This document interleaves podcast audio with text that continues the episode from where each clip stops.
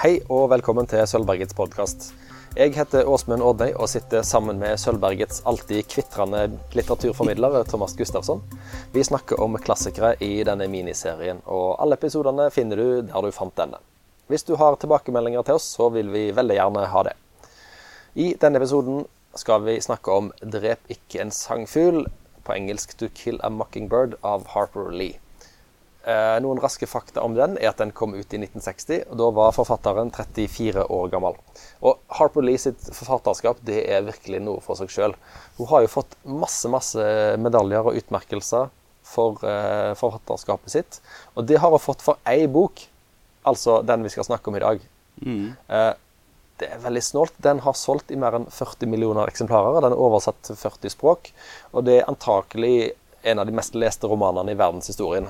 Eh, ikke minst fordi han har blitt brukt så mye i, i amerikansk skole. Og, og En skulle jo tro at hvis du er skikkelig god til et eller annet, så, så vil du dyrke den eh, evnen. Altså Hvis jeg hadde vært eh, flink, sånn, sånn ver verdens, eh, verdensmesteraktig i noe jeg holder på med, så ville jeg ikke slutte etter den første suksessen. Det, det, det er, men det er, jo ikke, ikke forfatterne vi skal snakke om her, men det er et, et veldig snålt punkt med Ja. Harper Lee sitt liv. Hun ga ut ei bok eh, rett året før hun døde, i 2015, som var en slags som har en relasjon til denne. Ja. Det har blitt omtalt både som en slags eh, en skisse til det som ble 'Drep ikke en sangfugl', eller en Ja, det er, de samme folkene. Mye Ja. av det samme universet. Eh, og denne boka har òg blitt en film. Uh, sang sangfugl' kom i 1962, og de fikk tre Oscars, bl.a. Uh, Gregory Peck i hovedrollen. Og Harper Lee var sjøl med og gjorde den om til film, og var veldig fornøyd med filmen. Eh, før jeg spør deg, Thomas, så må vi igjen si to ord om tittelen her. For den skulle jeg tro var veldig lett å oversette til norsk. 'To kill a mockingbird' og 'Drepe en sangfugl'. Men på norsk så må jeg ha den der moralske 'Drep ikke en sangfugl'. Ja, det har jeg ikke tenkt på. Hvorfor det? Kan du ikke bare kalle han det han heter, da? Jeg vet ikke. Jeg spør ikke deg, men eh, dette er sikkert en følgefeil fra når boka kom eh, i 1962 på norsk. At det var en eh, pedagogisk anlagt oversetter Ja. som vil ha den tittelen, og den har vi beholdt siden det. Men nok fra meg. Thomas, hva slags bok er dette? Det er vel den ultimate klassikeren på en måte. Alle, alle vil jeg si, har hørt om den. Og selv om bok, eh, altså filmen er så gammel, 60 år, så tror jeg veldig mange har sett den også. Og det er en veldig bra film. Ja, du, du snakket om, eh, om hennes på en måte oppfølgerbok, da. Som er, hun ville jo ikke gi ut den boken, som jeg har forstått det. Og, eh, men det ble liksom på en måte tatt litt ifrån henne når hun var så gammel at hun ikke kunne forsvare seg. Og jeg kjøpte den med en gang eh, når den kom ut, og så fikk den så dårlig kritikk at jeg har ikke lest den. Så den, den er sånn som står i bokhylla uten å ha blitt lest. Eh, jeg har ikke lyst til å forstørre den, den her fine fortellingen da, gjennom å lese noe som ikke hun ville gi ut. da. Det er igjen 1930-tallet. Eh, det var veldig mange bøker som utspiller seg på 30-tallet av de vi har hatt her. Du har, en, du har en dragning mot det mørke og triste, Thomas. Det er derfor du får så mange bøker fra Det depresjon. virker sånn. Jeg er jo ganske glad av meg, egentlig. Ja, så du trenger å balansere det ut i lesningen. Ah, det er det, ja. Ja. Mm, litt sånn balanse, sånn yin og yang. Um, det er, det er um, en hovedperson som heter Scout, en jente. Hun er bare seks år. Det, handlingen er at en svart mann blir eh, anklaget for å ha voldtatt en hvit kvinne. Og Scouts pappa er advokat, og han tar på seg oppdraget med å forsvare eh, denne mannen. Og bare det eh, gjør at det blir skandale i byen. da. At eh, det er mye verre at eh, han tar på seg eh, ansvaret for å forsvare mannen, enn at mannen åpenbart er uskyldig, og det vet alle om, eh, at han er uskyldig. Så han blir dømt. Jeg vet ikke hvor mye jeg skal si. Jeg husker ikke hvor langt inn i boken det kommer. Han blir dømt, sier vi bare. Eh, og Scout og hennes eh, familie blir trua og forfulgt og får, er vanskelig bare fordi at pappaen har stelt opp for og gjort det riktige. da. Og sånn som jeg har forstått det, så er tittelen på en måte 'Mockingbird'. Det, det står for uskyld. Altså du eh, Ja, å drepe uskylden. Eh, både altså hun lille jenta og han mannen og eh, konseptet uskyld, liksom. Mm. Eh, Men er, er det en krim? Nei. Eh, det syns jeg ikke. Men, eh, Eh, men vi, eh, hvis alle vet at denne personen er uskyldig, så ville jo jeg tenkt som leser at OK, da skal denne boka fortelle meg hvem som gjorde det.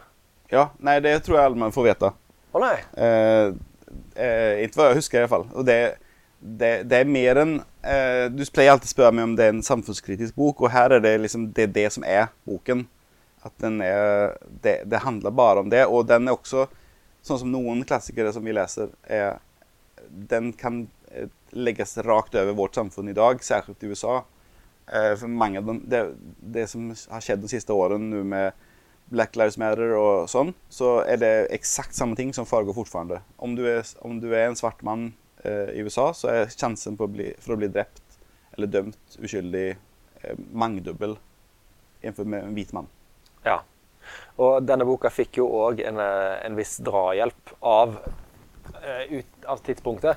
Vi har jo snakket i en annen episode om eh, John Fante som skrev 'Ask for Dust', som ble gitt ut i 1939 i konkurranse med Mein Kampf. Ja. ja. Det var maks uflaks. Mens denne kom ut i 1960 på terskelen til borgerrettsbevegelsens Ja. eh, frammarsj i USA. Ja. Og jeg har skjønt det sånn at, at Harper Lee sjøl var jo en ganske forsiktig person som ikke søkte rampelyset. Og når denne boka på en måte gikk rett inn i, i sin tid, kanskje mer enn hun hadde sett for seg når hun skrev den, så, så ble hun litt sånn eh, sjokka og, og trakk seg enda mer inn i sitt eget skall. Ja. Og ga jo nesten ingen intervjuer heller i, i løpet av hele livet sitt. Jeg jeg tror at hun bare hadde en venn, og det var hennes søster. Jeg tror hun, at Det ble sikkert for mye for henne, tror jeg.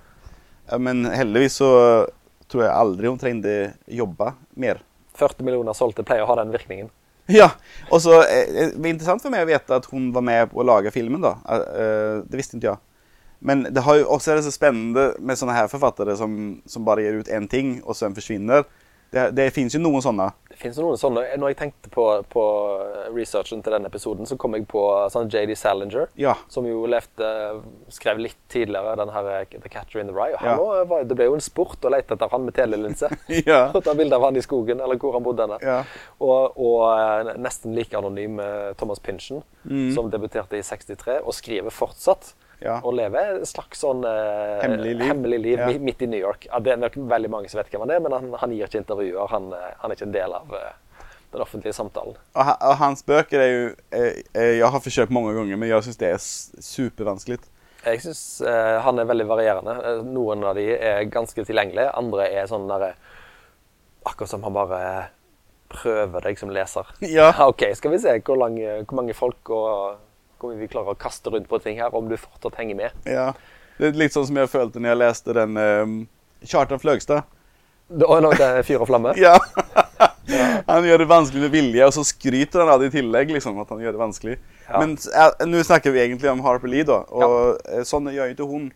Men derimot, det jeg skulle si, var at det, når en sånn forfatter gjør en sånn rar ting som å skrive verdens mest leste bok, og så forsvinner, så blir det forskjellige myter. Og en av de mytene er at eh, det var en annen forfatter som egentlig skrev den boken. Men nå husker jeg ikke hvem det var. Eh, Ja. Hun var jo, eh, altså Du sa hun hadde bare én venn. Hun hadde en venn til. Og det var jo han Truman Capote. Det var han! Og, og han var jo verdens største spradebass. Ja. Så det er sånn gøy å ha han eh, ekstremt eh, flamboyante, og så Harper Ja. Lee, som var veldig tildekt.